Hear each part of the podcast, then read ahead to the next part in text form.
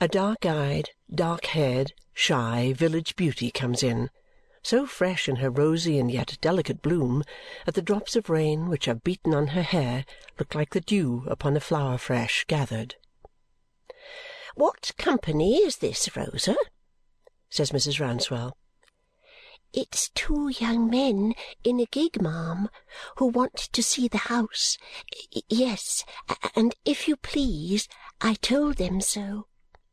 In quick reply to a gesture of dissent from the housekeeper, I went to the hall door and told them it was the wrong day and the wrong hour, but the young man who was driving took off his hat in the wet and begged me to bring this card to you.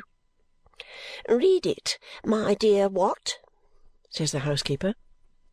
Rosa is so shy as she gives it to him that they drop it between them and almost knock their foreheads together as they pick it up.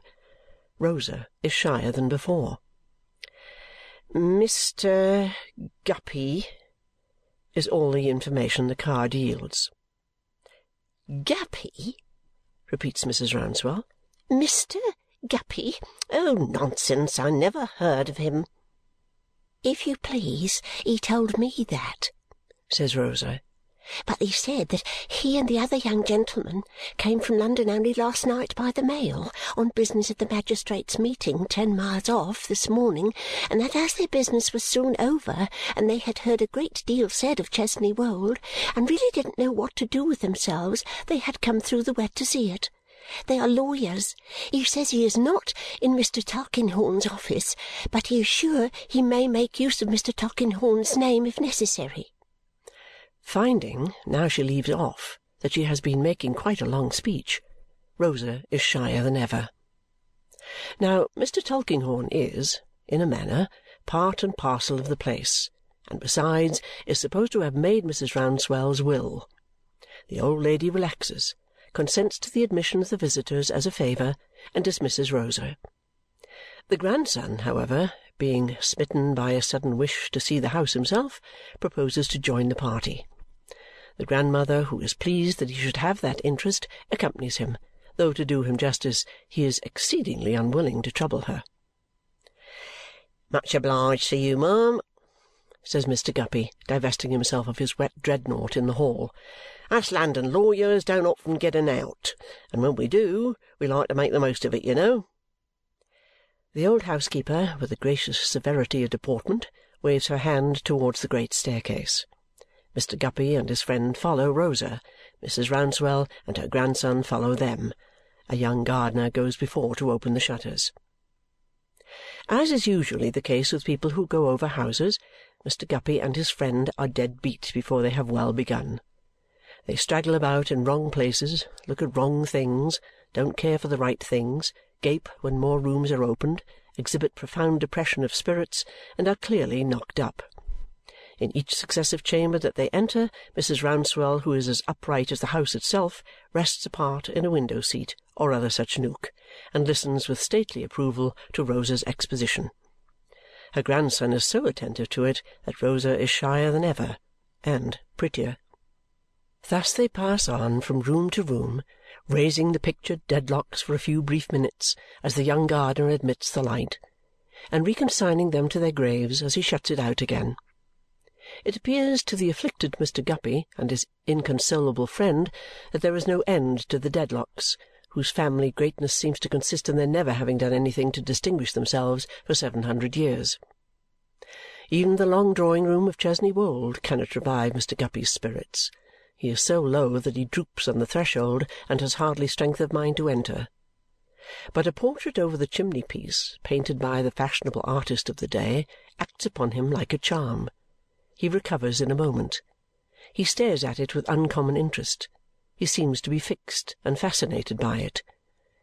"Dear me!" says Mr. Guppy. "Who's that?"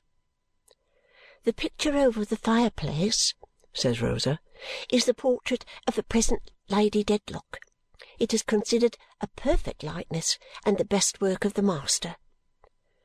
"Blest," says Mr. Guppy, staring in a kind of dismay at his friend, "if I can ever have seen her! Yet I know her. Has the picture been engraved, miss?" The picture has never been engraved. Sir Leicester has always refused permission. Well, says Mr. Guppy in a low voice, I'll be shot if it ain't very curious how well I know that picture. So that's Lady Dedlock, is it? The picture on the right is the present Sir Leicester Dedlock. The picture on the left is his father, the late Sir Leicester. Mr. Guppy has no eyes for either of these magnates. It's unaccountable to me, he says, still staring at the portrait. How well I know that picture! I'm dashed, adds Mr. Guppy, looking round, if I don't think I must have had a dream of that picture, you know. As no one present takes any especial interest in Mr. Guppy's dreams, the probability is not pursued.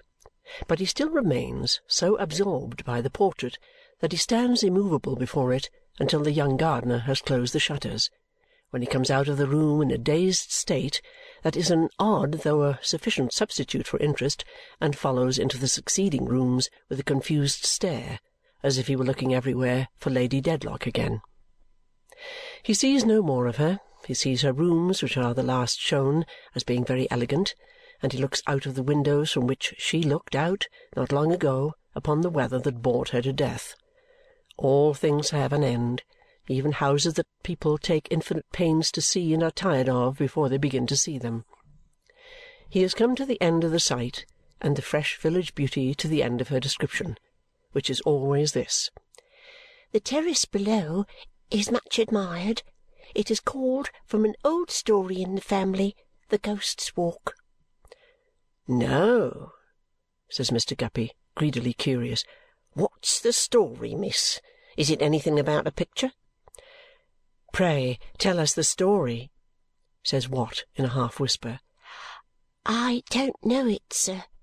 Rosa is shyer than ever. It is not related to visitors. It is almost forgotten says the housekeeper, advancing. "It has never been more than a family anecdote." "You'll excuse my asking again if it has anything to do with the picture, ma'am," observed Mr. Guppy, "because I do assure you that the more I think of that picture, the better I know it, without knowing how I know it." The story has nothing to do with the picture, the housekeeper can guarantee that. Mr. Guppy is obliged to her for the information and is, moreover, generally obliged. He retires with his friend, guided down another staircase by the young gardener, and presently is heard to drive away. It is now dusk. Mrs. Rouncewell can trust to the discretion of her two young hearers and may tell them how the terrace came to have that ghostly name. She seats herself in a large chair by the fast darkening window and tells them, "In the wicked days, my dears, of King Charles the First, I mean, of course, in the wicked days of the rebels who leagued themselves against that excellent king, Sir Morbury Dedlock was the owner of Chesney Wold. Whether there was any account of a ghost in the family before those days, I can't say. I should think it very likely indeed. Mrs. Rouncewell holds this opinion because she considers that a family of such antiquity and importance has a right to a ghost. She regards a ghost as one of the privileges of the upper classes a genteel distinction to which the common people have no claim. Sir Morbury Dedlock, says Mrs. Rouncewell, was, I have no occasion to say, on the side of the blessed martyr. But it is supposed that his lady, who had none of the family blood in her veins, favoured the bad cause. It is said that she had relations among King Charles's enemies, that she was in correspondence with them, and that she gave them information. When any of the country gentlemen who followed his Majesty's cause met here, it is said that my Lady was always nearer to the door of their council-room than they supposed. Do you hear a sound like a footstep passing along the terrace, Watt? Rosa draws nearer to the housekeeper. I hear the rain-drip on the stones replies the young man, and I hear a curious echo I, su- I suppose an echo which is very like a halting step. The housekeeper gravely nods and continues. Partly on account of this division between them, and partly on other accounts, Sir Morbury and his lady led a troubled life. She was a lady of a haughty temper. They were not well suited to each other in age or character, and they had no children to moderate between them. After a favourite brother, a young gentleman, was killed in the civil wars by Sir Morbury's near kinsman, her feeling was so violent that she hated the race into which she had married. When the Dedlocks were about to ride out from Chesney Wold in the king's cause, she is supposed to have more than once stolen down into the stables in the dead of night and lamed their horses. And the story is that once at such an hour her husband saw her gliding down the stairs and followed her into the stall where his own favourite horse stood. There he seized her by the wrist, and in a struggle, or in a fall, or through the horse being frightened and lashing out, she was lamed in the hip, and from that hour began to pine away. The housekeeper has dropped her voice to a little more than a whisper. She had been a lady of a handsome figure and a noble carriage. She never complained of the change. She never spoke to any one of being crippled or of being in pain. But day by day she tried to walk upon the terrace, and with the help of the stone balustrade went up and down, up and down, up and down, in sun and shadow, with greater difficulty every day. At last, one afternoon, her husband, to whom she had never on any persuasion opened her lips since that night, standing at the great south window, saw her drop upon the pavement.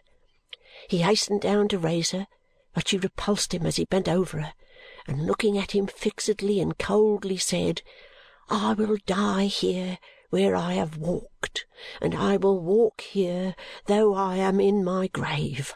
I will walk here until the pride of this house is humbled, and when calamity or when disgrace is coming to it, let the Dedlocks listen for my step.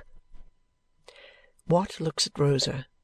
Rosa, in the deepening gloom, looks down upon the ground, half frightened and half shy. There and then she died, and from those days, says Mrs. Rouncewell, the name has come down, the Ghost's Walk. If the tread is an echo, it is an echo that is only heard after dark and is often unheard for a long while together. But it comes back from time to time, and so sure as there is sickness or death in the family, it will be heard then. And disgrace, grandmother? says Watt.